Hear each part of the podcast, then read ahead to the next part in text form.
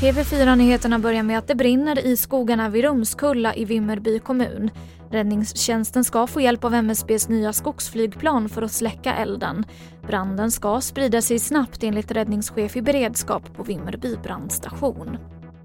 Två nya dödsfall har rapporterats in i covid-19 under det senaste dygnet i Sverige. Detta enligt Folkhälsomyndighetens senaste siffror. Under deras pressträff idag så gavs bland annat besked att linjer i kollektivtrafiken kan komma att dras in under hösten om det bedöms att resurserna behövs på annat håll.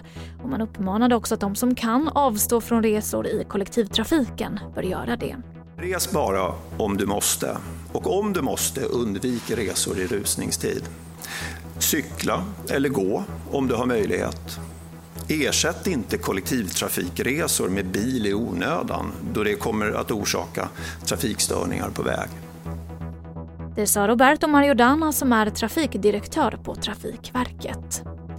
Och jag avslutar med att Wings flygbolag Sunclass Airlines bekräftar att de säger upp samtliga av sin 175 svenska kabinanställda.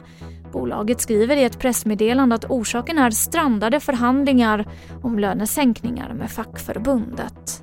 Och det var det senaste från TV4 Nyheterna. Jag heter Emily Olsson.